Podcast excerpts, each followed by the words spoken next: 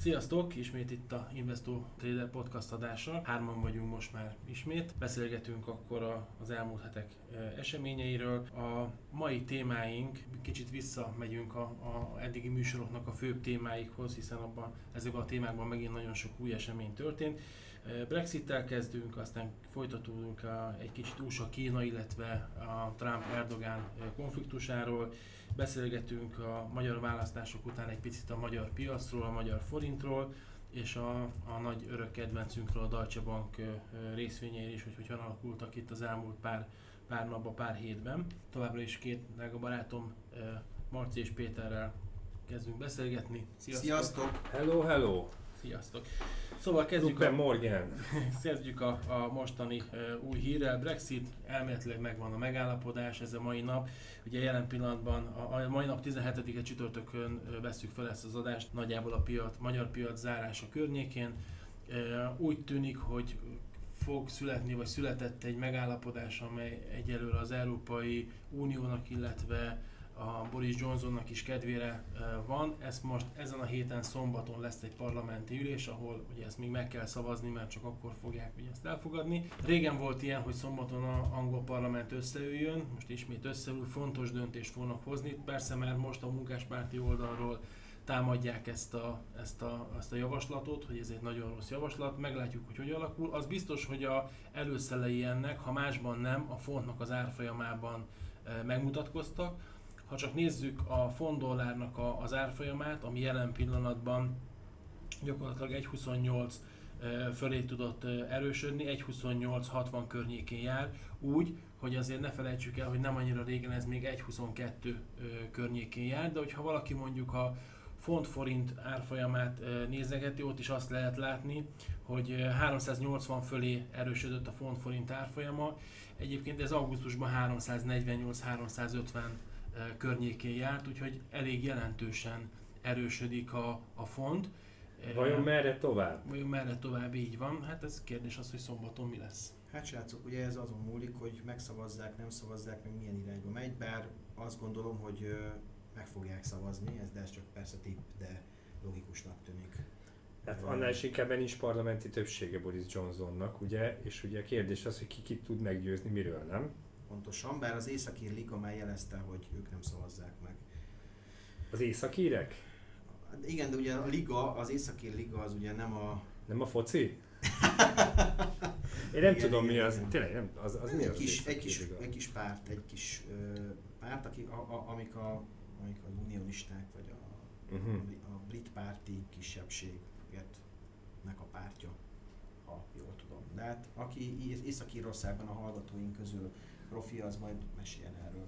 És beszélni északírül, az, az állítólag nem olyan, mint az angol, hanem ilyen érthetetlen. Ez igaz? Lehet, hogy ezért nem értik meg a, az angolban, nem és, és, és, és el, elbeszélnek csak simán egymást, mert mind a ketten ugyanazt akarják. Na persze, ez csak egy rossz vicc. Hát nem tudom, nekem fura ez az egész Brexit. Tehát, én úgy, szerintem ugyanúgy folytatódik ez a szappanopera, mint eddig. Nagyon kíváncsi vagyok, hogy szombaton mi lesz a megoldás. Az biztos, hogy bár ez egy általános közhely, hogy itt mindenki szeretné, hogyha már megnyugodnának a, a, a, a feltételek a Brexit környékén, mert legalább akkor egy, egy, egy ilyen hibapontot ki lehetne szedni. Azt tudjátok, hogy mi az él lényege? Azt, azt elolvastátok? Hát, hogy az északír brit határt, a brit, vagy hogy az északír Vámhatár? ír határt a brit ír határra redukálnák, hát nem, nem az a lényege? Igen, tehát hogy a vámhatárt redukálnák. Hogy, igen, hogy át eltolnák a tehát vám. Ugye, ugye most jelenleg ugye a vámhatár és a tényleges Nagy-Británia, tehát ugye az ír-szigeten belüli határ, azt most szétválasztanák, ugye azt mondanák, hogy a, valahol a, a, az ír tengeren van a, igen, húzódna igen. a határ, e, e, és gyakorlatilag vámkezelés nem lenne e, Észak-Írország és Írország között, tehát Észak-Írország és Írország között szabadon mozoghat az áru, semmi, semmi probléma nem lenne. Vámkezelés amúgy sincs, meg, meg, meg effektíve ilyen határ, hogy mondjam, ilyen őrposztok vagy, vagy sorompóra amúgy se kell számítani. Ez, ezt egyébként más, egy másik megállapodás is garantálja az, az írek részére. Viszont ezzel ki, ki tudnák küszöbölni ugye azt, hogy ezt, a, ezt, ugye, ezt az északír problémát, amivel ugye most nem tudom mióta küzdött, ezen ugye Tereza May se tudott túllendülni, Um, ugye, de ugyanakkor meg meg kell küzdeniük azzal a problémával, hogy ez, ez ugye úgy néz ki picit távolabbról nézve, vagy, az, vagy egy átlag brit részére, hogy az északírek azok másfajta jogokkal rendelkeznek a, a Nagy-Británián belül, mint, mint a többi brit, de mint mondjuk a skótok, mert hiszen a skótok ezek nem mondhatnák azt is, hogy miért ne lehetne a skót határ is ugyanez. Mondják ki is, ne félj, mindjárt mondják. Tehát, nem telik be egy nap. meg az adásunkat. Na most új, újra függetlenségi szavazást Remélem hallgatnak minket ott is. Hello Glasgow! Hello Edinburgh. Edinburgh. Igen. Szerintem nincsen vége srácok ennek, és én, én kicsit magaskodnék, mint ahogy az angolok szoktak magaskodni mindenhez. Én azt gondolnám, hogy nem nagyon lesz Brexit, tehát valamit kitalálnak. Ez így, megint ugyanott vagyunk, mint, mint eddig szerintem. Van egy, egy látszólag jó ajánlat, deal, ami... Az mindesetre látszik, nem Ákos, hogy a piac zabálja az ötletet, Abszolút, tehát abszolút, font abszolút. erősödik ezerre, valószínűleg a fogadóirodáknál is, hogy mondjam, a rekordok dőlnek, vagy, vagy, vagy a, a fogadásokra, ugye a britek mindenre szeretnek fogadni, biztos vagyok benne, hogy rekordfogadás született erre a Brexit ide vagy oda 2016 óta húzódik ez az egész. Abszolút. 2016 nyara óta húzódik. És ebben egyébként a legszimpatikusabb szerintem az EU. Tehát az EU viselkedése, én azt gondolom, hogy ez tök jó, hogy mondjátok meg, mit szeretnétek, mi elmegyünk, ameddig tudunk. Most is látod, hogy nem rajtuk fog múlni ez az egész dolog. És itt ez gyakorlatilag a, a briteknek a fejlődés története, ha úgy tetszik. Egy régi, nagy világvezető hatalomból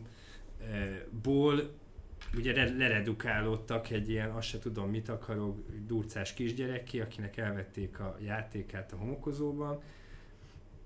Azt gondolom, hogy, hogy ez egy érdekes sztori, és ugye ez a Jeremy Corbynen most nagyon sok múlik. Ugye ő azt mondta, hogy ne legyen népszavazás. Most kitalálta, hogy legyen népszavazás. Tehát, hogy próbál, próbálja jó kijönni a történetből, mert ha most ő megszavazza ezt a Brexit dealt, akkor gyakorlatilag felköp és alááll. Igen. Ha, ha nem szavazza meg, akkor meg ő lesz a szarossegű, aki ennyi év után azt mondja, hogy gyerekek, hát már most már tényleg, most már miért nem szavazzuk meg?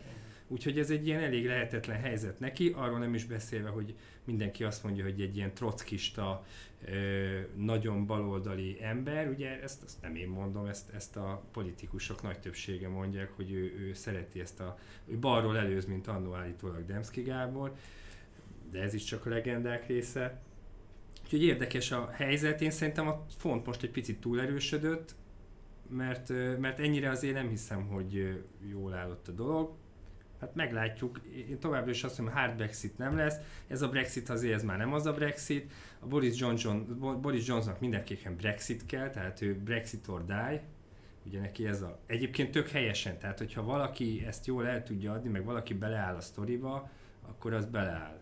És ugye ez az, amit mostanában hiányolunk, hogy beleállnak a sztorikba emberek. Bár azért, ha Utoljára az ördög ügyvédje volt ilyen. Bár azért, ha megnézitek a Brexit című filmet, amit még a múltkor Marci ajánlott, azért Az nagyon jól sok, mutatja. sok kérdést vet föl a, eb, erre a helyzetre is. Uh, hogy hívják Marci azt az úriembert? A Cummings, Dominic Cummings. azt- Ah, igen. Aki, aki azért az egész mögött az agy. És Asperger szindrómás állítólag, tehát hogy azért azt, azt, azt érezzük, hogy neki semmi sem drága. Úgy, úgy. Hadd reagáljak arra, hogy a, a font az túl van húzva vagy nem. Technikailag, ha csak megnézzük, és abszolút semlegesen, egy napos bontású grafikonon azt lehet látni, hogy az eresi mutató az éppen 72-40 környékén van. Tehát Aha. uh, itt az elmúlt pár napnak a, a, 70 a fölött túladott. Igen, markáns Vagy túlvett, bocsánat. Ez egy túlvett történet, így van, tehát ha valaki, GBP Hoof Short. igen, ha valaki csak ezen, vagy, vagy csak valaki ezt a spekulánsként ezt a technikai elemzést így figyeli, nézi, akkor annak lehet, hogy ez már egy biztató jel arra, hogy elkezdjen Pozíciót egy fölvenni. pozíciót felvenni, egy fonteladás pozíciót. Ö, Oké.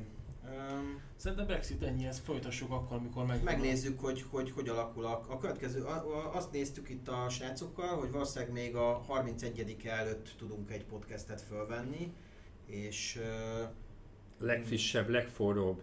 o, o, úgy, ott, ott ki fog derülni. Egyébként még érdekesség az, hogy ugye még egy pár nappal korábban Boris Johnson arról beszélt, vagy arról twittelt, hogy, hogy bármiáron kilép a, a, a, a, az EU-ból, és már nem, lát, nem is lát nagyon lehetőséget ö, mást, mint hogy, mint hogy egy ilyen hard Brexit-tel gyakorlatilag elhagyni a, a terepet. Ehhez képest Angela Merkel azt mondta, hogy ő nagyon nem szeretné elengedni a, a briteket egy megállapodás nélkül, tehát ő nagyon megállapodás párti, ebből egyébként azt is ki lehetett olvasni, hogy ha azon múlik, még akár Merkel kancellár a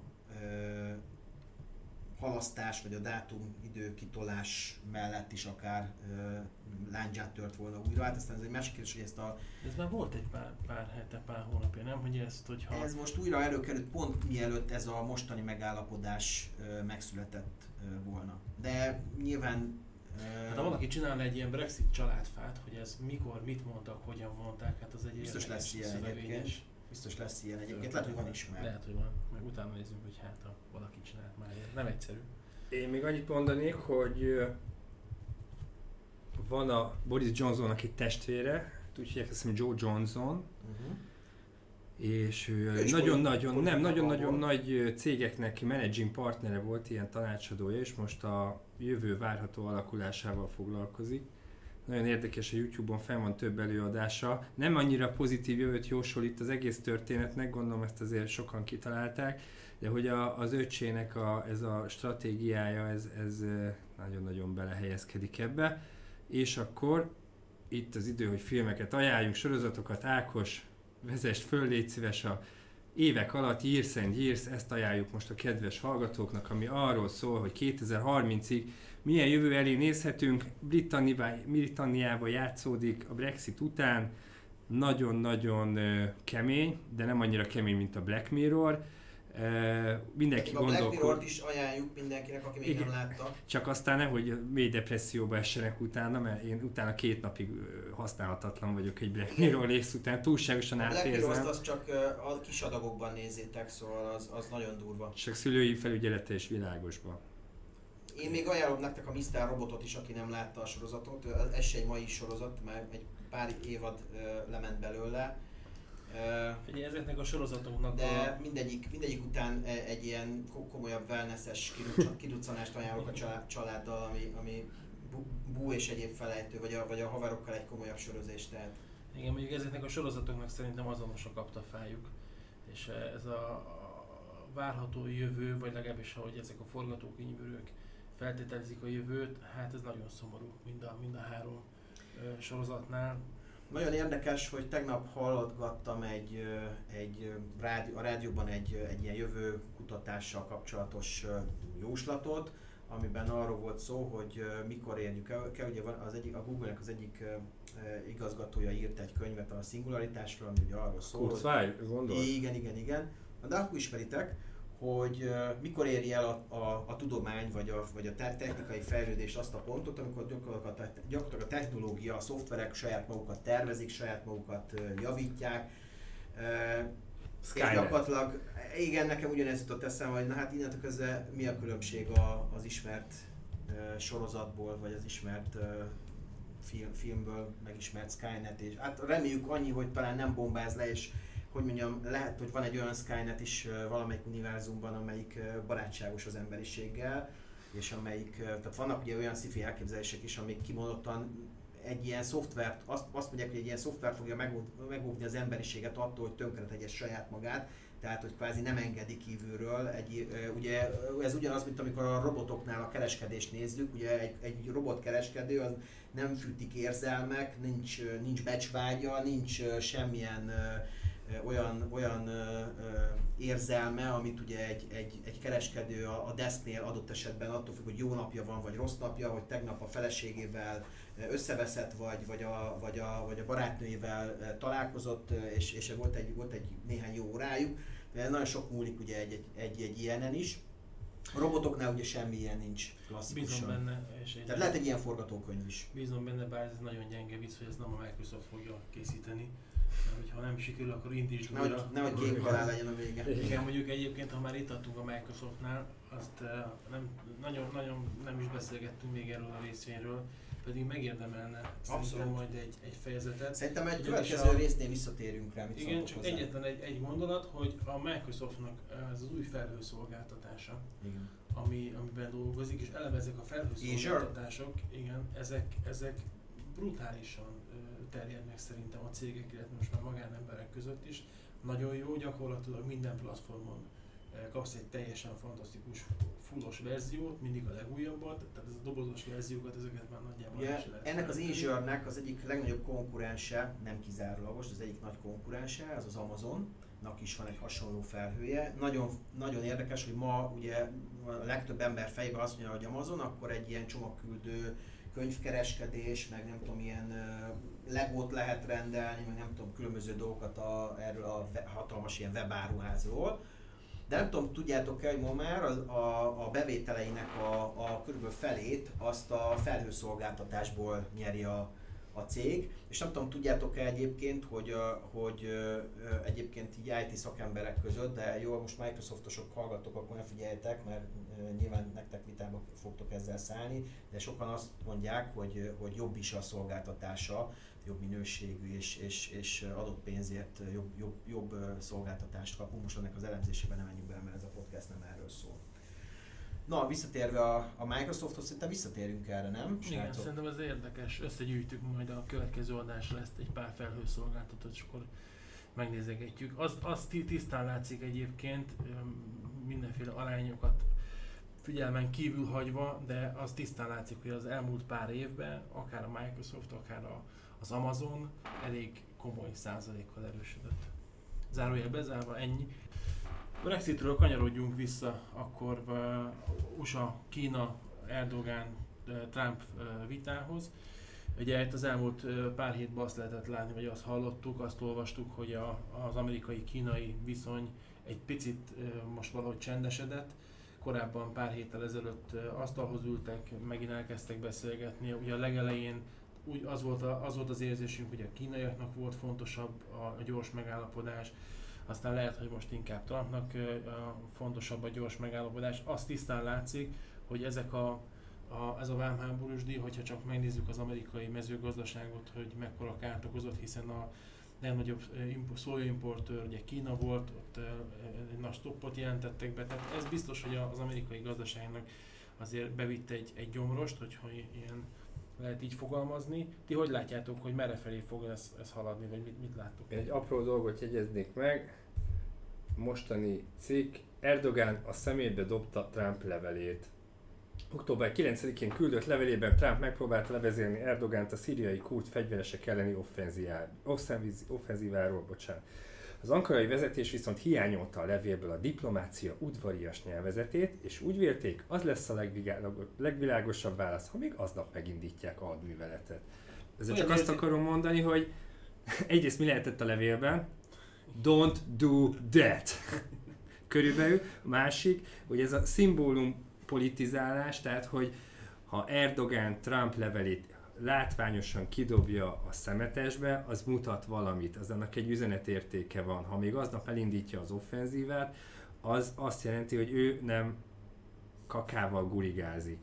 És, és az, hogy erre a Trumpnak mi volt a válasza, ugye ezt, ezt ugye tromfolni kell nyilván, mert ha nem tromfolod, akkor gyengességet mutatsz. És én csak azt akarom mondani ezzel, hogy most ilyen szimbólumpolitizálás időszaka van, amikor ki tud nagyobbat mondani, vagy ki tudja magát nagyobbra fújni, mint a pávák, vagy a nem tudom, kakasok esetében, és most ennek látjuk így a, a, a felszínét. Ugyanakkor el kell mondjam, hogy én a hétvégén, múlt héten voltam Németországban, és ott beszéltem egy török emberrel, azt mondta, hogy jó, hogy egészen más innen látni a dolgokat, meg egészen más onnan látni a dolgokat. Amíg nem volt az egész szíriai konfliktus, a kurdokkal semmi probléma nem volt, a Erdogán kormányának a 30%-a kurd származású, kurd, tehát hogy ők tök jól el vannak egymás mellett, viszont néha bizony a média vagy ilyen-olyan emberek érdekük az, hogy ezt a konfliktust ezt felnagyítsák, és, és eltorzítsanak bizonyos dolgokat, úgyhogy én arra szeretném felhívni minden hallgatónak a figyelmét,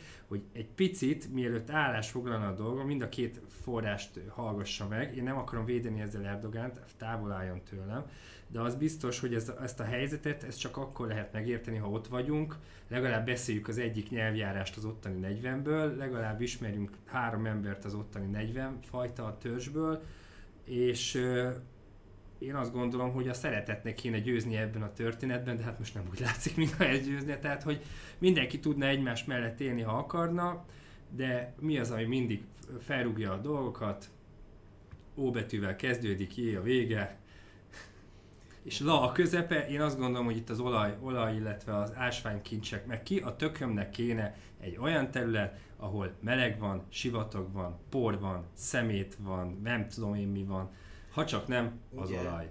Ugye, bocsánat, bocsánat, csak ennyit, akart, annyit akartam megjegyezni, hogy ugye e, e, két, e, két mondásom van a- arra, hogy ez, hogy ez miért kell a, a e, törököknek ez, a, ez az egész mm, válság, vagy konkrétan Erdogánnak miért kell ez az egész.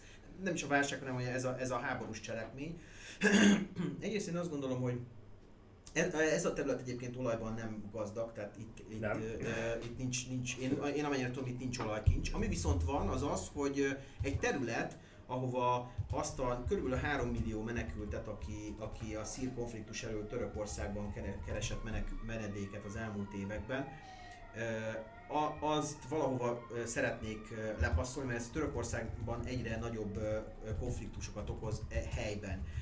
E, Az egyik mondás az ez, tehát valahogy, valahogy szerették, szerettek volna helyet csinálni annak, hogy ők hova tegyék ezeket a menekülteket vissza, vagy, vagy mit csinálják ezekkel a menekültekkel. Egy ilyen, ugye a, a, a, törökök elmondása szerint egy ilyen mondjuk így ütközési zónát, egy ilyen pár száz kilométer széles ütközési zónát szerettek volna elképzelni, ahol egyébként ezeket a menekülteket is elhelyezik ilyen menekült táborokban, és aztán nyilván kicsit kevésbé fog, fog, is fognák a kezüket valószínűleg. Ez az egyik. A másik az az, hogy alapvetően van egy, egy, egy török gazdaság, ami, ami a fénykorához képest azt hiszem, hogy leáldozóban van, lehet ezt mondani, vagy nem is tudom, hogy fogalmazzak, hogy, hogy a nagyon fontos diplomáciai Ne meg őket. igen, igen, diplomatikusan fogalmazunk, mert pedig ez a, ez a podcast ez mindig ilyen diplomatikusan szokott fogalmazni. Igen. Úgyhogy ez a második dolog. Tehát Trumpnak emlékezzetek vissza, hogy amikor elindultak a, a, az ukrán offenzíva Putyin részéről 2000 nem akarok hülyeséget mondani, azt hiszem 14-15 környékén volt, az, az az abban arra az időszakra esett, amikor egyébként a népszerűségi mutatója a béka feneke alatt volt, az olajárak ö, emlékeim szerint akkor ö, beestek, valamivel föl kellett, hogy úgy mondjam, a saját népszerűségét turbozni, illetve a hazafias érzelmeket otthon föl kellett korbácsolni. Semmi más nem, vagy, vagy, vagy semmi más nem kínál jobb lehetőséget erre, egyik országban sem egyébként, mint például egy háború, ö, amiben ö, nyilván ö, nekünk van igazunk, hogy így mondjam, és ez, ez, ez összeránthatja a, a, a, az országot. Ö, és közös ellenséget teremthet, aki, aki, aki már akkor nem a, nem a kormány, hogy így mondjam. Úgyhogy azért ne felejtsük el, hogy a, az időközi választásokon, illetve a választásokon elvesztette ö, Erdogán a, a nagyvárosoknak egy, egy jelentős részét. Budapesten nem ez történt? Hát nem tudom, tudsz, tudsz ilyen párhuzamokat vonni? Hát én, én hú- húznék, igen, de ezt most hagyjuk, mert ez nem egy politikai Nem, nem, abszolút nem. Én még hagyd érjek vissza, amikor Marci felolvasta ezt a, ezt a mostani hírt, az első dolog, ami eszembe jutott, ez a való világ, nem? Ez a ö, műsorok a tévében, ezek a különböző hisztis jelenetek, ezek, ezek régen azért nem voltak talán ennyire jellemzők, vagy nem voltak ennyire nyíltan megmutatott dolgok, mint ahogy most. Nem, nem, nem biztos, hogy ez egy nagyon jó irány, szerintem. A másik az az, hogy ha már Amerika és ha már Törökország, ugye az USA elnök elküldte az alelnököt Pence-t Törökországba, akit ugye az első hírek arról szóltak, hogy a török elnök nem akarja fogadni Pence-t, ő csak Trump-al akar tárgyalni. Egyébként ebben valami lo- logika van, nem? Igen, bár ugye az elnök és az alelnök mm, hogy mondjam, tehát ugye az, Amerika, Ameri- az, az Amerikai Egyesült Államok olyan nagy ország, hogy egyszerre, tehát ugye egyrészt nem is, nem is nagyon van, a kettőjük együtt nem nagyon lehetnek egy helyen, a, a, a szabály, másrészt pedig, hát ugye mivel nagy az ország és sok, sok feladat van, valahogy meg, van valami munkamegosztás nyilván a kettejük között, és, és nem mindenhova jut el úgymond Trump. E- Ez nyilván nem feltétlenül leértékelése az adott ö, ö, régiónak. Nyilván a politika nyelvezetében ezt, ezt hogy mondjam, valamilyen módon kezelik. Mindenesetre itt most látok egy fotót magam előtt, amit a, ami a, sajtóba kinyomtak. Hát nem egy boldog ö, Trump, ö, vagy nem egy boldog Pence és, és, és Erdogan. Látok láttok, hanem egy ilyen, két ilyen nagyon komoly, komoly komor arcot. Hát konkrétan Harag Péter két pasonmása, Okay. az ember, aki soha nem mosolygott. Tehát kicsit Harag olyan, mint Péter, hogyha ki, ki, hogy kínos igen. lenne a kész, készfogás egymás között, csak a, csak a sajtófotó kedvéért egy, egy készfogás, és utána be a limóba, és, és, és húzás el. Hát, Nem töltik fel a saját Facebook oldalukra. Oké. Okay. Jó, hát akkor Na jó, nem tudom miről beszéljünk még, mi a Beszéljünk. következő téma. be- beszéljünk, jöjjünk egy kicsit haza, ugye nálunk is voltak önkormányzati választások hétvégén, és erre reagált is a piac, illetve hát a forintról is egy picit beszélgessünk.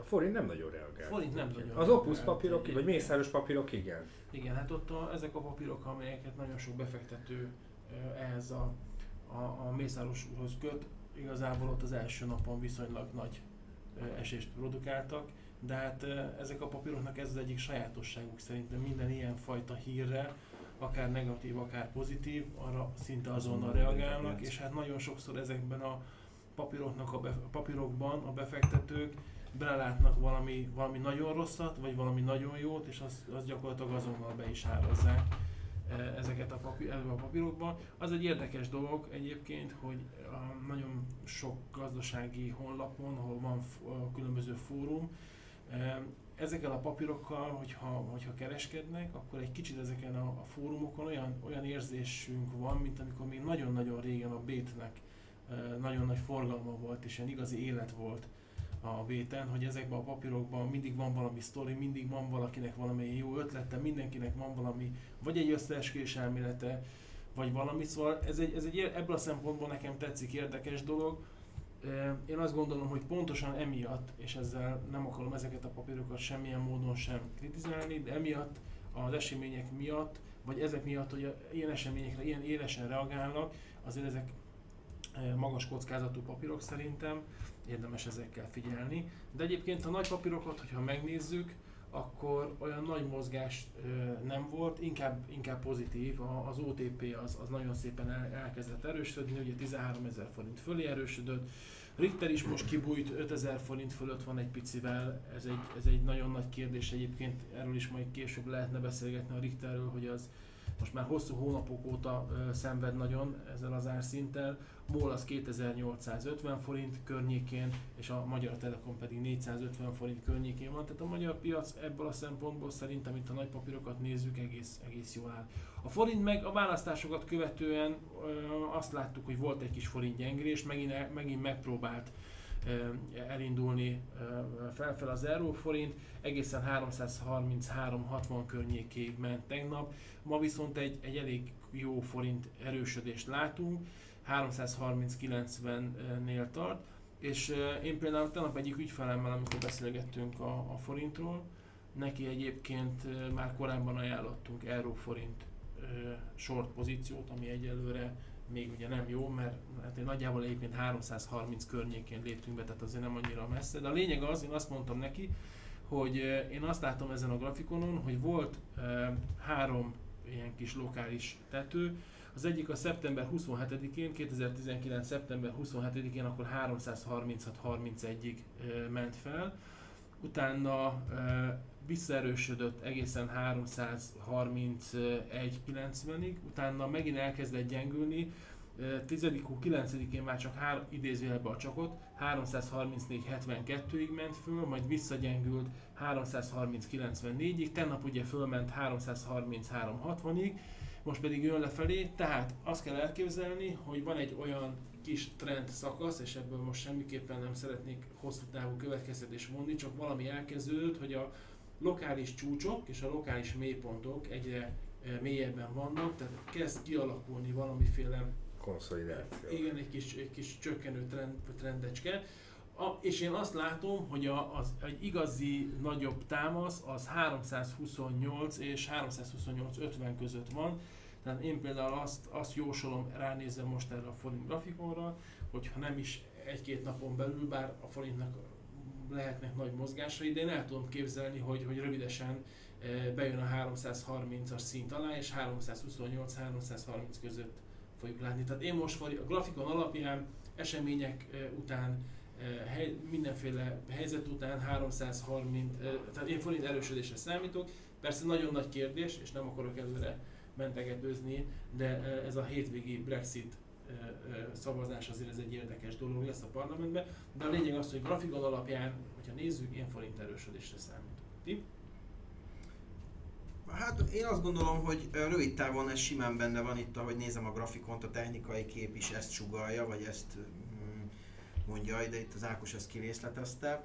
Én, azt, én hosszú távon továbbra is azt gondolom, hogy én inkább, ha, ha, ha év végéig néznénk, én inkább esésre gondolok, de ez nagyon sok múlik ahhoz, hogy a negyedéves jelentések majd hogy alakulnak. Mármint de, forint esésre. Hát forint esésre, bocs, bocsánat, igen. Hogy alakulnak a negyedéves jelentések, hogy alakulnak a, a, az ipari gyors, vagy az ipari beszerzési menedzser indexek még év végéig, főleg a német gazdaság, hát a, a, nyilván az EU nagy gazdasága, elsősorban a német, mi, mi elsősorban ehhez vagyunk bedrótozva, vagy ide vagyunk bedrótozva, de nyilván nem mellékes az se, hogy a többiek hogy teljesítenek majd. Uh, nyilván a Brexit az egy, az egy fontos mérföldkő lesz, és, és hát nyilván még lehetnek olyan egyéb meg vagy, vagy, vagy váratlan események is, amik, amik persze ezt befolyásolják, de valamiért én mégis azt gondolom, hogy az a fajta trend, a, amiben azt látjuk, hogy a német gazdaság mintha egy ilyen recesszió felé csúszna, és nem akarok semmit sem előre jósolni, mert nem tudjuk még, a, még ehhez hiányoznak adatok, de nagyon sok eddig megismert adat azt mutatja, az idei, főleg az idei második fél éves adatok, hogy ebbe az irányba csúszik el a német gazdaság, és ez nekünk azért, e, e, e, ezt, ezt be fogják pillanatok alatt, ha ez, ha ez egyértelmű válik, ezt, én azt gondolom, hogy ezt a forintnál be fogják árazni a, a befektetők, ti jöttök. Én egyetértek ezzel Péter, veled, abszolút mértékben. De kezdjük, a, amit az Ákos mondott. És bocsánat, ez az OTP árfolyamára is vonatkozik, mindez, amit mondtam. Én azt látom, hogy a világ, vagy hát egy új szintek kezdenek kialakulni, a forintnál 3.30, a dollárnál 300, tehát azt kell mondani, hogy 3.30 alatt inkább olcsó a forint, 3.30 fölött inkább drága a forint, és akkor ezt lehet longra meg shortra is értelmezni, és ugyanez a helyzet szerintem dollárban 300-as szinttel, de én is egyébként most rövid távon egy kis konszolidációra uh, számítok, ám de onnan uh, heves és uh, gyors gyengülésre. Miért? Uh, amit főleg a Péter elmondott, én most ma mondtam Németország volt a múlt héten, és az autóipar, autókereskedőkről, meg elég sok ilyen emberrel beszélgettem az ügyben, hogy ők hogy látják itt a közeljövőt, és ők azt mondták, hogy amit ugye mi is, a Péter is, hogy ugye Magyarország rá van kötve a német autóipar a beszállító oldalon, Németország gazdasága rá van kötve a teljes autóipari exportra, tehát hogy ha tetszik, ha nem tetszik, még most is azt kell mondjuk, hogy az autóipar húzza a német gazdaságot, ezáltal a magyar gazdaságot is, és amit ők érzékelnek ebből az, hogy shift, de, tehát hogy a, a váltások, hogy a műszak csökkentés van, és ez egy nagyon komoly indikátor, hogy eddig pénteken kettő műszakban dolgozott az Ingolstadti Audi gyár, meg a BMW gyár, meg a Daimler gyár, és mostantól már csak egy műszakba dolgozik. Tehát, hogyha az öt napot tíz műszakra osztjuk, akkor egy egység, tehát 10%-kal a gyártókapacitást visszavették.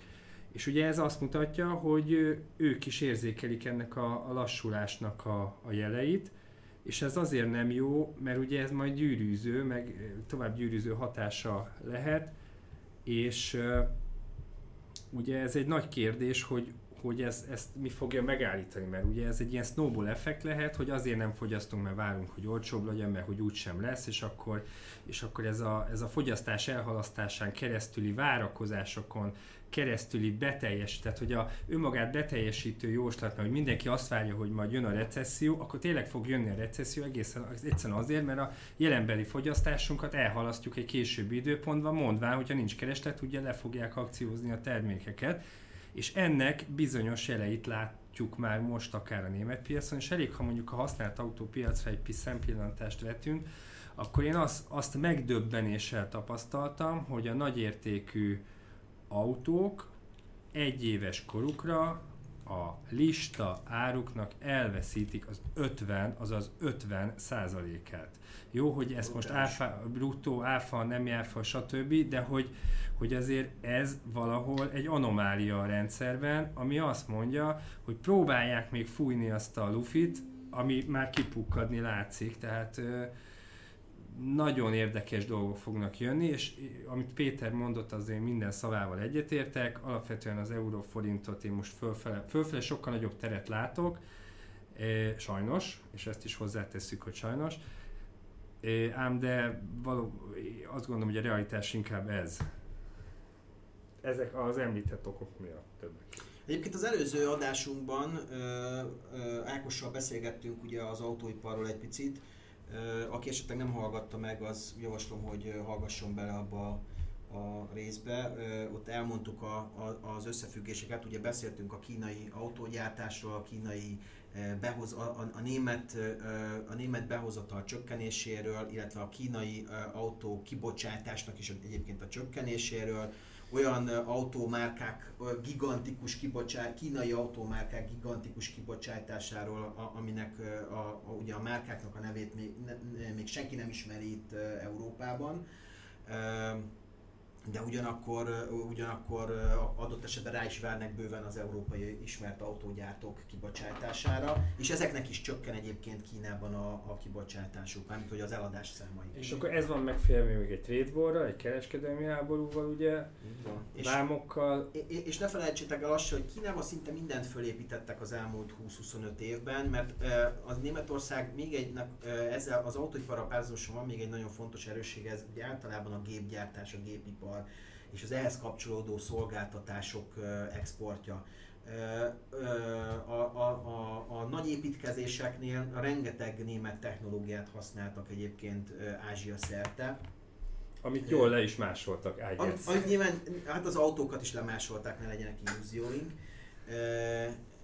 És ugye többek között ez az egyik problémás pont egyébként a visszaugorva egy picit az előző pontunkra a kínai kereskedelmi tárgyalásokra, tehát nagyon szép és jó, hogy megegyeznek abba, hogy a kínaiak vesznek. A Trump egy picit elhalasztja a, a tarifák megemelését, cserébe a kínaiak vesznek szóját, meg, meg kukoricát, meg, meg nem tudom, egyébként kukorica nekik nem is kell most annyi, mert éppen malacvész van, nem tudom, ezt hallottátok el, hogy ugye ez a sertés betegség terjed, ami, ami miatt le kell ölni rengeteg sok pestis, miatt, miatt egyébként gigantikus a drágul a sertéshús ára a világszerte, Magyarországon is egyébként.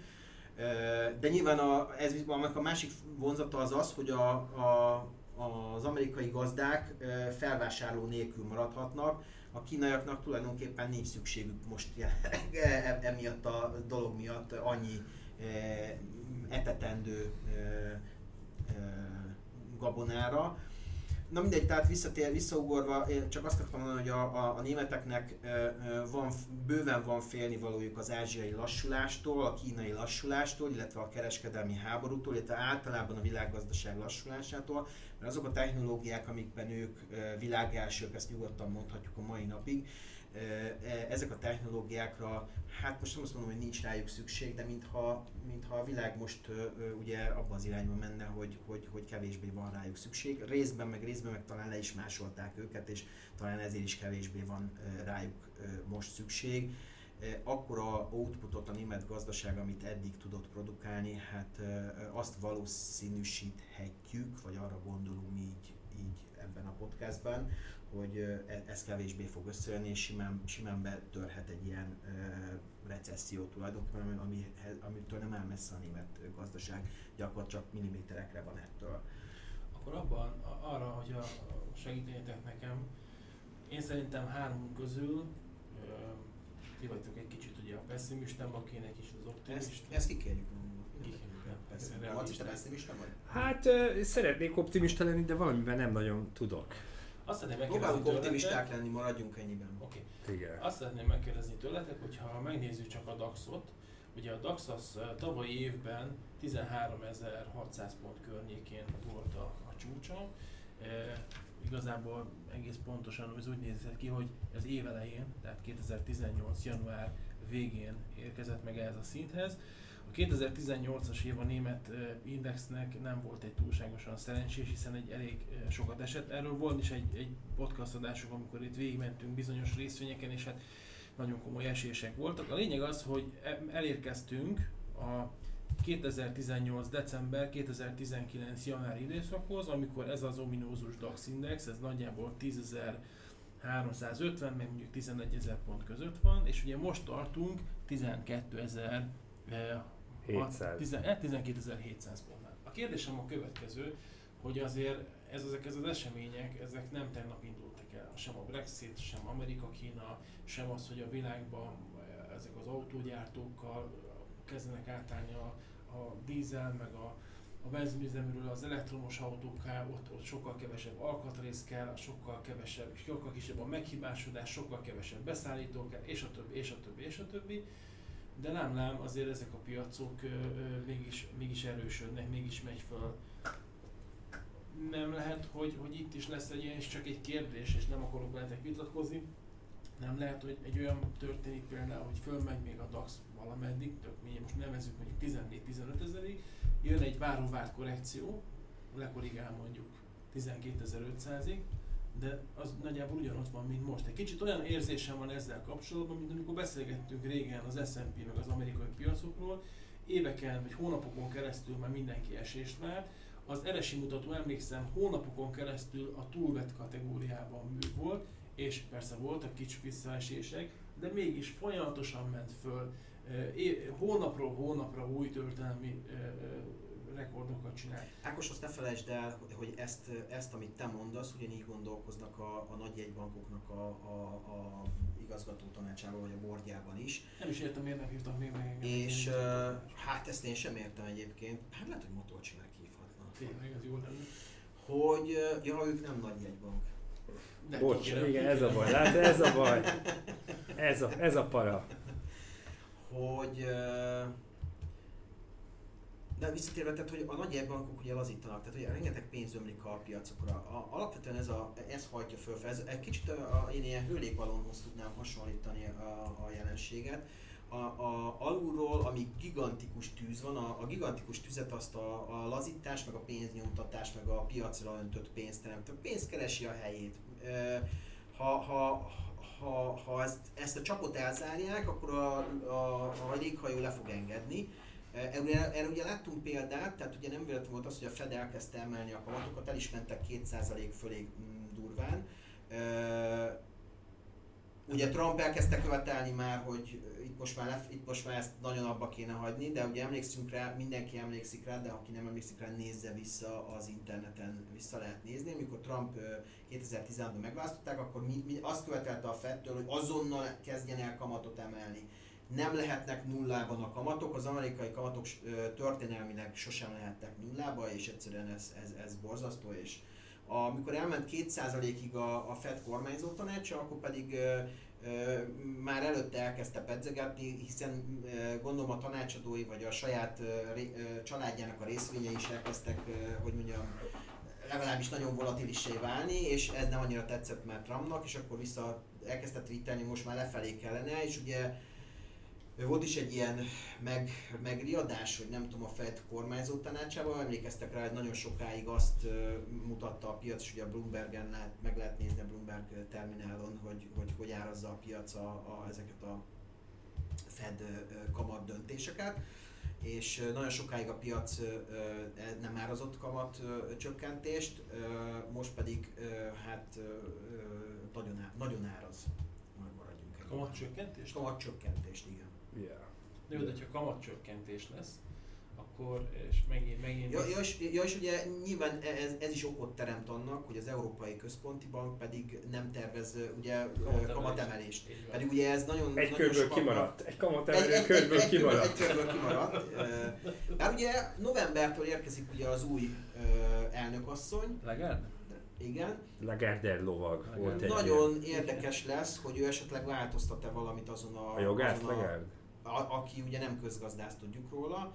Változtatta ő vajon valamit ezen a kamatpolitikán, vagy, vagy egyáltalán milyen, milyen irányba viszi ezt a hajót? A, az előzetes hírek, vagy az előzetes elemzői várakozások nem várnak változást egyébként. Yes. Ugye jelentek is meg ilyen, ilyen karikatúrák, ahol, ahol mutatja, megmutatja drági, hogy hogy kell a, a pénznyomnát beindítani. Az biztos, hogy, a, hogy ilyen nagyon artificial helyzet van most, tehát hogy a jegybankok nagyon lazítanak, tolják be a pénzt, emiatt ugye a hajó megy, a zenekar játszik, de lehet, hogy már a motorból kifogyott a benzin, és Pontosan. akkor most még így siklik lendületből egészen sokat. Úgyhogy nem, nem lehet tudni azt, hogy mi lenne a nettó hatása, hogyha a jegybankok ne avatkoznának ilyen mennyiségi hát lazító, ugye, meg egyéb. Ugye, hol, hol jön el az a pont, ugye ez az, amit senki nem tud, ez a 1 millió, vagy 1 milliárd dolláros kérdés, vagy hogy szokták ezt mondani, hogy hol jön el az a pont, amikor, a, amikor egyszerűen csak megjelenik az infláció, és komolyan megjelenik az infláció, hiszen most ö, Ugye még Amerikában ö, már megjelenni látszik az infláció, vagy már van, van is infláció, de még ugye nem éri el a, a, a Fed által vágyott 2% környéki szintet. Legalábbis hivatalosan semmiképp sem, hogy ugye nyilván ezt tudjuk, hogy az infláció, ezzel sokat szoktunk beszélgetni, hogy az infláció az ugye egy kosárnak a függvénye, és a kosarat azt mindig az aktuális kormányzat úgy állítja össze, hogy az neki frankó legyen de azért, de azért, azért valószínűleg ezt a 2%-ot talán még nem lövi meg. De Európában, mintha, mintha meg, meg nem egyet, egyáltalán nem, nem, nem, lát, nem, vagy alig látunk inflációt. Hát nem is az infláció baj, hanem a stagfláció, tehát amikor az infláció gazdasági csökkenés vagy visszaeséssel van, mert ugye a stagflációból lehet a legnehezebb kikeveredni. Pontosan. És ugye ez, ami már veszélyeztetett ott 2008-ban is, vagy akkor a nagy válság, nevezzük már így, ugye ennyi év távlatával, ugye ott a stagfláció volt a probléma, és én azt gondolom, hogy lehet, hogy megint ez lesz a probléma. Nagyon-nagyon könnyen belelátom a dologba ezt a, a, ezt a lefutást. Még visszatérve az Ákosnak a gondolatára, hogy igen, a tőzsdék mennek föl, és ezt gondolom még idén menni is fognak. Ugye most látjuk, hogy a DAX is, ahogy mondtad, hogy emelkedik, de azért azt ne felejtsük, hogy 2016 óta a DAX 30%-ot emelkedett durván, és ha még ezt a, ezt a ugye 12 hétnél vagyunk, 13-3 volt durván a tetej, azt még ledolgozza, akkor a 2016-hoz képesti 30%-os emelkedést hozza vissza. Tehát akkor gyakorlatilag ott vagyunk a csúcson. Még ezzel szemben mondjuk a Dow Jones 2016 óta 62%-ot emelkedett, mindenfajta komolyabb korrekció nélkül. Tehát azért ez mutatja, hogy all-time high lesz mind a kettő, csak az egyik egy 63%-os, 62%-os emelkedésben, a másik meg egy 30%-os emelkedésben, úgy, hogy volt benne egy irgalmatlan korrekció, és kinkeservel jött föl. De csak azt akarom mondani, hogy meg mert beszéltünk is, hogy az indexek mögé kell nézni, hogy kik a komponensek, azok hogy teljesítenek, és ugye az előző kettővel ezelőtti podcastban már felhívtuk a figyelmet, hogy az index követő derivatívák állománya, tehát az abból, az indexekre kötött származtatott termékek állománya sokkal-sokkal több tízszerese, akár százszorosa is lehet magának az indexnek a valós tartalmá, vagy a valós kapitalizációjával. Ezzel csak azt akarom mondani, ami ez az egész gondolat mellett fel lett fűzve, hogy hiába megyünk majd all time high-ra, tök jó, mindenki örül majd neki, ha onnan jön egy nagy zakó, és ugye a nagy zakót azt a 4%-ot meghaladó esés nálam a nagy zakó, tehát hogyha egy-két-három ilyen nap van, ami van 4%-ot esik a piac. Nem olyan nagynak, így De ugye, ha három van egymás után, az már 12, az hát, igen, akkor ugye ezek a derivatívák, vagy ezeket a származtatott termékeken elért veszteség az óriási lesz. És ha ez egy... Gigantikus méretű. És, és ugye ettől, ha ettől megpróbálnak szabadulni, ugye, és akkor itt jön be az a film, aminek az a címe, hogy Margin Call, ahol az azt nézzétek jelenti, meg újra, nézzétek meg újra a Margin Call, hogy volt egy százas termékünk, láttuk, hogy szar a dolog, és azért mondom a százasot, mert azt pont a filmben is ez van az egyszerűség kedvéért, 62-ön sikerül eloszt, eh, kiszórni az első trancsot, vagy első részletet, utána már csak 55-ön, utána csak már 39-en, és azért a 100 versus 39 az nem arról szól, hogy nem kapok kamatot, hanem az, hogy a tőkémnek a 61%-a It's gone. Van egy ilyen szószpark rész, ezt is tessék megnézni, az It's gone, és hol van a megtakarításom? Hát It's gone. Szóval csak azt akartam mondani, hogy hogy itt óriási fogadások vannak egy irányba, és az, az a, az index teljesítményét adja oda a termékben. És az index teljesítménye miről szól? Arról, hogy all-time high, hogy megy föl. E, nagyon kevés az olyan termék, ami az index negatív teljesítményét, vagy a shortra fogadnak. Miért? Egész egyszerűen azért, mert megy föl minden éjszaknak, tehát aki bármilyen, bármikor kötött ilyen terméket, az szivolázott rajta, buktázott rajta, nyilván nem akarta ezt megcsinálni. Bocsánat. És én azt gondolom, hogy ez jövőre jöhet el ez az idő, jövő Pontosan, ö, január, február, március, amikor ugye a nagy ö, oldalra nézések lesznek, hogy akkor ez most mi a tököm? Ez most mi? Akkor most mi? Kettő gondolatot engedj meg, légy Az egyik az, hogy hogyha valaki mondjuk egy short pozícióra fogad egy ilyen terméknél, tehát arra, arra fogadunk, hogy az index lefelé fog menni, ugye az nem úgy van, hogy veszek egy ilyen short pozíciót, és ha nem megy fel az index, nem, nem megy le az index, akkor tartom, tartom, és a világon semmi probléma nincsen. Ezeknek kamat követelmény, fedezett követelményük van, ami, ami, ami kőkeményen bele kell állni ebbe a, ebbe a történetbe, az egyik dolog. A másik meg egy picit eh, a következő egy-két adásra azt lehet, hogy összegyűjthetnénk. Péter, te szoktad mindig mondani, például a résznek az árfolyamát figyelve, hogy az hogyan alakul, és abból egy kicsit lehet matekozni itt a gazdaságban. Következő podcastra ezt majd uh, megnézzük akkor. Jó, nem, hogy arra gondoltam, hogy meg lehetne azt csinálni, hogyha van hozzá kedvünk, szerintem legyen, hogy, hogy összegyűjtünk olyan uh, cégeket, vagy, vagy olyan termékeket, ami alapján egy picit lehet következtetni arra, hogy mondjuk a nagy cégekkel mi fog történni. Tehát arra gondolok például, hogy még a gumigyártóknak hogyan alakulnak a bevételek. A Durex-e gondolsz? A Durex, igen. igen. Autó, most kifejezetten autógumikra elsősorban. Ja, ja, bocs, bocs, én vagyok rossz. Mindig magából indul ki mindenki, ugye. Hogy, eh, hogy megnézni, hogy ezeknek például az árbevételük eh, hogyan alakul, mit, mi történik, mert, mert hogyha ezek a, a különböző kis beszállítóknak vagy rá elkezdenek gyengülni, meg, meg, meg vissza ö, ö, menni a termelésbe, akkor elképzelhető, hogy... Nagyon fontos szerintem az, a, azt megjegyezni, hogy ö, az, hogy válság van, az nem mindig jelenti azt egyrészt, hogy minden termékben, vagy minden termék típusban is óriási medvepiac van. Tehát ez, ez a, a, mondjuk az előző válságban szinte minden medve volt.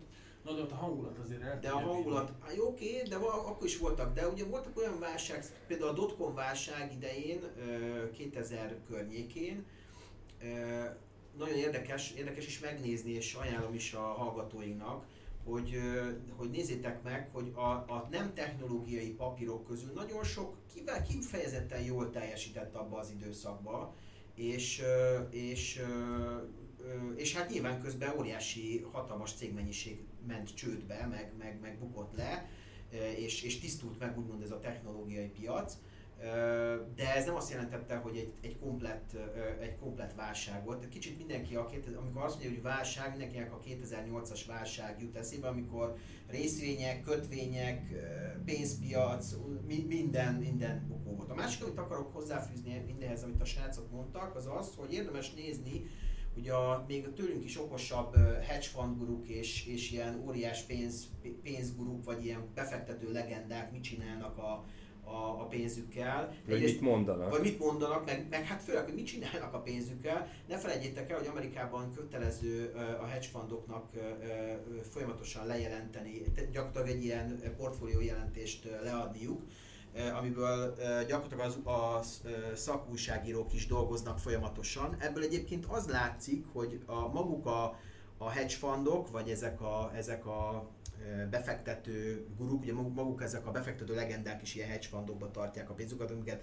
vagy ők maguk, vagy, a, vagy a, az általuk irányított cégek kezelnek.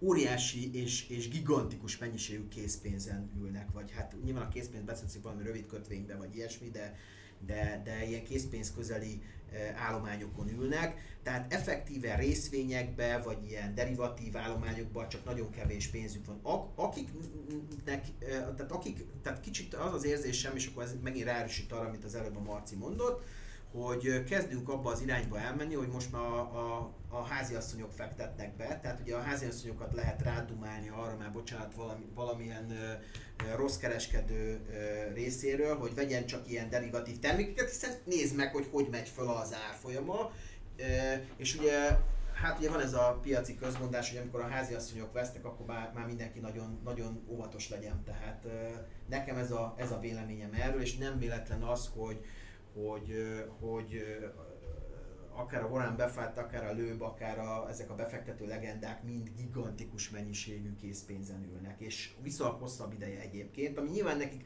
olyan értelemben bukó, hogy, hogy, hogy, hogy nyilván ezeknek a, a, a amikor ekkora pénzek nem csinálnak úgymond semmit, csak készpénzben ülnek, az, az, az gigantikus, ö, ö, hogy mondjam, hát valamifajta veszteség. Hát egyébként de, de, az de euró meg a inkább Svájc, tűnik. igen, de a dollárban nem feltétlenül, Hát hogy ott van kamat. 200 igen, hát 200 azért az, sok, az tök sok. Ha most belegondolsz az euró, hogy az európai zóna, zónának a bankrendszer Ebbe mitől szenved? Attól szenved, hogy berakja overnight-ba a bankba, és, És- kevesebbet kap vissza, bukott. érted? És ezt egy németnek magyaráz már el, Igen. hogy beadsz 1000 eurót, de- és holnap reggel nem 1000 euród van, hanem Jó, de, kevesebb. ezért az, jó de, de, de, ez csak, de ez csak, tehát végül is bruttó ez, ez mégse így van, mert a, a, akinek sok pénze van, az valahol tartja, például úgy értem nem otthon a páncélszekrényben tartja a pénzét, hanem akkor a pénztartásnak is van egy költsége. Akinek sok pénze van, ott általában a bankok is vastagon egy, egy, egy, egy marha nagy piros ceruzával rajzolják a számlát, tehát biztos vagyok benne, hogy az a 2% kamat, tehát majdnem azt Hát mondom, hogy a kamat... sok, nem, az sok. 2% kamat éves szinten az sok. Ebben a kamat környezetben az Hát sok. srácok, a- mindesetre az biztos, hogy ezek az emberek gigantikus pénzeken, készpénzeken ülnek, tehát nem fektetnek be, eh, vagy minimálisan fektetnek be, és És az nagyon, nagyon valószínű észnél dollár, vannak. ugye? Ebből Doll, követ. abszolút, abszolút. Mert hogy a dollárban van, mert hogyha Svájcin ülne, Abszolút. akkor, Nem, akkor nem, menne nem. a keri ellene, meg a mínusz. nem, nem. Azért szarul Dollár. felkelni, nem? Hogy egy ú, mennyivel kevesebb, ú, mennyivel kevesebb, ú, mennyivel Hát nézd kevesebb. meg az angolokat. Hát nem, na, nézd meg a fontjukat, vagy Hát már ma jól, jó Hát keltek ma, ma, föl. ma jó keltek föl. De eh, hadd térjek vissza egy picit a dotcom történetre. Ez meg, megint egy, egy mostanában új, új uh, uh, sztori. Már beszélgettünk, van egy német részvény, DAX 30-ban benn van, Wirecard, ez egy online fizetéseket uh, kínáló cég, ami a lényeg az, hogy ennek a árfolyama elég komolyat erősödött itt az elmúlt időszakokban, csak így számszerűsítve az elmúlt 5 évet ö, 310%-ot tudott erősödni, elmúlt 3 évben 175%-ot, és ami a lényeg az, hogy nem annyira régen, ebben az évben egy a Most azért esett jót, nem? igen, nem azt akarod mondani? ne, Az, hogy megjelent róla egy cikk, hogy bizonyos területein történtek simliskedések, ö, azt hiszem a New York Times-tól jöttek ki ezek az információk, ezeket a cég természetesen azonnal cáfolta, a- azt, hogy, hogy, hogy hogyan is állt akkor az árfolyam. 150 körül volt, nem? Így van, És most meg ilyen szá- 120 szá- körül Hát úgy volt, hogy nem? 150-170 euró környékén volt ez még az az árfolyam. Ez leesett gyakorlatilag a cikkek után eh, 86 és 90 euró környékére. Utána megnyugodott a piac. Egészen eh, 150-160 euróig visszajött, és az Most elmúlt napokban, így van, megint esik. Úgyhogy ez azt lehet mondani, hogy az elmúlt egy hónapban több mint 22%-ot gyengült ennek a részvénynek az árfolyama, úgyhogy az elmúlt pár napban esett jelentősen. Nagyon-nagyon spekulatív, borzasztóan ö, nagy, magas a kockázat, nagyon sok ügyfél szereti abból a szempontból, hogy nagy forgalmú, tehát a DAX 30-ban benn van, igazi ö, komoly elmozdulásokat ö, tud produkálni, és csak annyit, az, az, azért szerettem volna erre kitérni, mert említetted a dotcom lufit még a 2000-es években, ez is egy ilyen történet, hogy ö, hogy, hogy borzasztó nagy kockázat van benne, nagyon nagyot tud menni, még a, esni még ab, abban a környezetben is, amikor egyébként a német piac erősödik. Hát én egyébként ezzel a papírral kapcsolatban én, én nem nagyon vagyok optimista, tehát hogy amelyik papír Hát a ilyen, bizalom. azt, azt én, Hát én elkerül, elkerülném messzire. Hát meg gondolj bele, bocs, hogy közvágok, még annyi, hogy ez, a, ez, egy, ez, egy, ez egy üzleti szolgáltatásokat nyújtó valami, ahol pont a bizalom ö, sérült meg.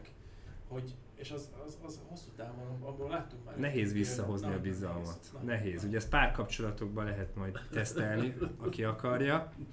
Érdemes, egyszer mindenféleképp az életbe. Szóval én azt mondom, hogy szerintem ez a papír ez nem jó, én sortolnám a Wirecardot, és kolleg, volt kollégám mondásával élve sortos népünk győzni fog e, ebbe a papírba. Én, én ezt nem, nem tartom egy jó papírnak, de hát ez most csak az én tudom, én, Én a értékítéletem. kockázat miatt hoztam fel. Viszont az tény, hogy amit, amit emelkedett, az, az ilyen bitcoini magasságokban van már, Igen. és a bitcoin se várom én most fölfele.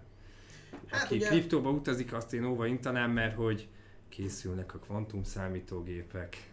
Ugye a Google bejelentette, a másik is, a D-Wave is bejelentette, hogy, hogy tesztelik a kvantum számítógépeket, az emberiség a kvantumugrás szélére került, és hát, hogy a Skynetre vagy Skynetre is visszacsatoljunk, az azért egy teljesen új világ lesz. Tehát ha a számítási kapacitás a mostanihoz képest, még a mostanihoz képest is exponenciálisan növekszik, akkor gyakorlatilag ezzel a big datával bármit bármit le lehet modellezni, csak ugye feed kell hozzá, csak a mennyiség kell hozzá. Úgyhogy szép új világnak nézzünk elébe, mindenki nézze meg továbbra is a Years and Years, vagy Évek alatt című sorozatot, hat részből áll, abba pont egy ilyen dolog is benne van erről a kvantumvilágról, meg a digitalizációról, uh, úgyhogy ennyi. Kinek van még mondania? Még, a, még, még, még azzal fejezni. Vagy mi, mi, mi, Szerintem még, még, még egy, egy pár gondolatot uh, hadd mondjak nektek. Uh, az, egy, uh, az egyik, amit akartam nektek mondani, hogy érdemes figyelni uh, az aranyár folyamát, uh, uh, az... Uh, nem a, tud esni, és nem is fog tudni. E, e, a, a, azt szerintem jól tükrözi azt a fajta bizonytalanságot, amit, amiről itt szerintem ebben a podcastban már be, beszéltünk, és amiről az Ákos mindig minket vegzálott titeket. Vegzálsz minket, hogy, hogy, hogy miért nem vagyunk optimistábbak, de, de én azt gondolom, hogy az arany, a, aki aranyba fektet, az nem optimista. Tehát, hogy az, az, az készül valami fajta vészforgatókönyvre. Ez az egyik, a másik az az, hogy amit akartam nektek mondani, az az, hogy gyors jelentési szezon van, és hogy és hogy érdemes figyelni a papírokat. Szerintem néhány fontos gyors jelentésen már túl vagyunk. A, az egyik, ugye, aki a legkorábban jelent mindig az a Nike, a, a Nike-nak nagyon jó lett a gyors jelentése, úgyhogy akinek Nike papírjai vannak, az boldog lehet, örülhet neki, a személyes véleményem az, hogy persze ugye ez az előbb említett válság, ha beüt, az, az mindig lehet, az mindig, egy, az mindig felülírhat mindent, de személyes véleményem az, hogy a Nike egy, egy jó cég, és, és szerintem hosszú táv, aki hosszú távú befektetést keres, az, a, a, az a, én azt gondolom, hogy ez egy jó, jó döntés lehet bárkinek. Egyébként nekem magamnak is voltak ilyen befektetéseim nemrég. A, ami még szerintem fontos az az, hogy a, a nagy bankok, a nagy amerikai bankok jelentettek, gyakorlatilag a, a, a, a Wells, Wells Fargo és a Goldmannak nem volt, nem volt nagy öröm a, a befektetők részéről, de a, a, a többi, tehát a JP Morgan, a Citi, illetve ma jelentett a, a Morgan Stanley, ezeknek, ezeknek boldogság volt a, a, a, hogy mondjam, a, a befektetők részéről. Úgyhogy szintén nagyon nagy vagy, vagy boldogság volt a, a United Health részéről is, amit pedig ugye tudjuk, hogy Amerika legnagyobb egészségbiztosítója, szintén jól teljesített. A, az IBM az, az, az, az, hát az nagyon nagyon elagyabugyálták, nem tudom, néztétek-e tegnap. A Netflix pedig az egekbe ment, ezt is nem tudom, néztétek-e tegnap, olyan mennyiségű új előfizetést tudott villantani, csillantani, amit, amit, amit a, a, a deszkeknél nagyon jól Ez a Stranger Things 3 miatt is van, nem? Ez a legnépzettebb sorozat ever, a, a vagy a legjobban nem a, megtérülő. Nem, nem a Netflixhez ment át a, az HBO-ról, aki a trónokat én nem tudom, de most ez a, most jó tartalmai jöttek a Netflixnek, és az mindig így megdobja az összes előfizetést. Nektek van egyébként Netflixetek? Én idén néztem én az HBO-nak. HBO Go? Igen, én azt, azt. Péter, neked? Nekem nem, nincs egyébként. Nekem, nekem nincs. Viszont én azt látom egyébként ebben, hogy ahogy beszélgetek akár veletek is, hiszen lassan egy kis filmklubban is ki tudunk alakulni, de barátok, ismerősök is egyre inkább ugye átalakulnak ezek a tévézési szokások, már, már nem ülünk le megnézni egy filmet alapvetően, akkor, amikor ők mondják, hogy mikor üljünk le, már mint a műsorúság, hanem te 35 év alatt kikopott a televízió, azt nem tudom, tudjátok-e, Magyarországon is. Az Egyesült Államokban pedig már több, több éven, Nyugat-Európában is már több éve szinte nem vesznek előfizetést. Nem is véletlen az, hogy a kábel TV társaságok eh, Amerikában a csőd szélén vannak, De ez uh, vagy, vagy, vagy az egyik ilyen megszűnő iparág, tulajdonképpen a vonalas telefon mellett, ugye a, a, a másik. A videótéka, nem? Vagy a, meg a videótéka, igen, igen, igen.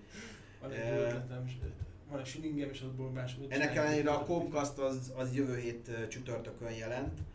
Amit még szerintem itt gyorsan felsorolok, hogy ö, ö, még, még akit szerintem érdemes figyelni, az a, a, a, az, a, az Ericssonnak lesz, vagy, vagy, vagy teszi ki a, a számait még ma A holnap lesz az Amexnek, a Coca-Cola-nak a gyors jelentése, ami szerintem érdekes lehet. Jövő héten SAP, hétfőn az SAP jelent, szerintem Ákosnak is van több ügyfele, aki, aki SAP-ban érdekel. Na, pont ezen gondolkodunk egyébként a mai napon, hogy ezt eladjuk-e vagy sem, hiszen az SAP-nek a részvényei azok az elmúlt pár napban elég komolyat erősödtek. Az azt úgy néz ki, hogy a, a, a német oldalról nézem, 103 euró környékén volt még október 9 Szerintem ne adjátok el. Mi is, mi is egyébként elfelé hajlunk, és volt egy hiperugrás, és a, a mai napon egyébként 116-117 euró környékén volt, úgyhogy igen, ezzel aktívan foglalkozunk. Ez is egyébként a felhőszolgáltatása. Tehát abszolút, ott, abszolút. A, aki, aki ilyen, ilyen nagy nevű cég és felhőszolgáltatást nyújt, én azt veszem észre, hogy először ugye ez a felhőszolgáltatás szerintem betört a cégek életében, mint adattároló, stb. megoldás, és egyre, egyre több magánszemély is. Annyira kényelmes, annyira jó dolog szerintem ez, hogy ez, ez, ez, ez nagyon, nagyon, nagyon szépen megmutatkozik a részvények árfolyamában, ilyen felhőszolgáltatás nyújtó részvények árfolyamában, hogy mekkorát emelkedtek. Szintén uh, hétfőn jelent uh, Halliburton, a, a, aki egy, egy olaj, olajóriás, uh, kedden a, a Mackie és a Procter Gamble jelent, valamint a Snap, nem tudom, ismeritek Ez miért tökön? Egy technológiai cég. Ja, jó. De akkor 23-án szerdán az AT&T a nagyobbak közül, a boeing ugye többször foglalkoztunk mi is, szintén szerdán hozza nyilvánosságra a számait. Csütörtökön a Twitter, a Visa, Intel, Nokia, 3M, 3M, Comcast, és szintén ö, ö, még pénteken a Verizon ö, és a Philips 66, ami pedig szintén egy olajipari óriás finomítókkal és ö, elég széles spektrummal az olajiparral van. Úgyhogy ö, lehet lehet akár ugye ha valaki úgy érzi, hogy valamiben valamelyik cégre érdemes fogadni, akkor még, még, még ide, idejében van igen, bevásárolni a papírokból. Oké, okay. Jó, hát Miről beszéljünk még, srácok? Még egy, egy zárójelben megemlíthetjük, hogy ismét 7 euró fölé küzdötte magát a Deutsche Bank. Ennek 7-15? 7-15? 6-30 vagy 40 euró. Egy hét alatt. Meddig mehet föl? Szerintem 8, 8. Én azt gondolom 8. Igen.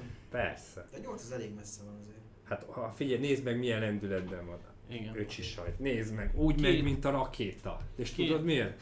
Mert Németországban rendben vannak a dolgok. Nem! no! De ezt no! pont az előbb beszéltük el. Figyelj, aki a sátor tetején lakik, annak a sátor alja új hely, tehát én azt gondolom, hogy van honnan mennie, úgyhogy minden egyes centért én drukkolok a Deutsche Banknak. Hajrá hát, Európa, hajrá németek. Az biztos a nekünk is jó. Úgy látom most a, izé, a, a hozsannája, vagy mire, mire hívják ezt? Aranykora. Arany, aranykora ez a Igen. papír. Jó. Köszönjük, hogy hallgatatok minket, akkor ennyi. Köszönjük szépen. Visszatérünk hamarosan, és akkor Sziasztok. Sziasztok. Élvezétek a vénasszonyok nyarát, kurva jó az idő, menjetek természetbe, mert aztán jön a rossz idős. Baj lesz. Sziasztok! Ciao, ciao!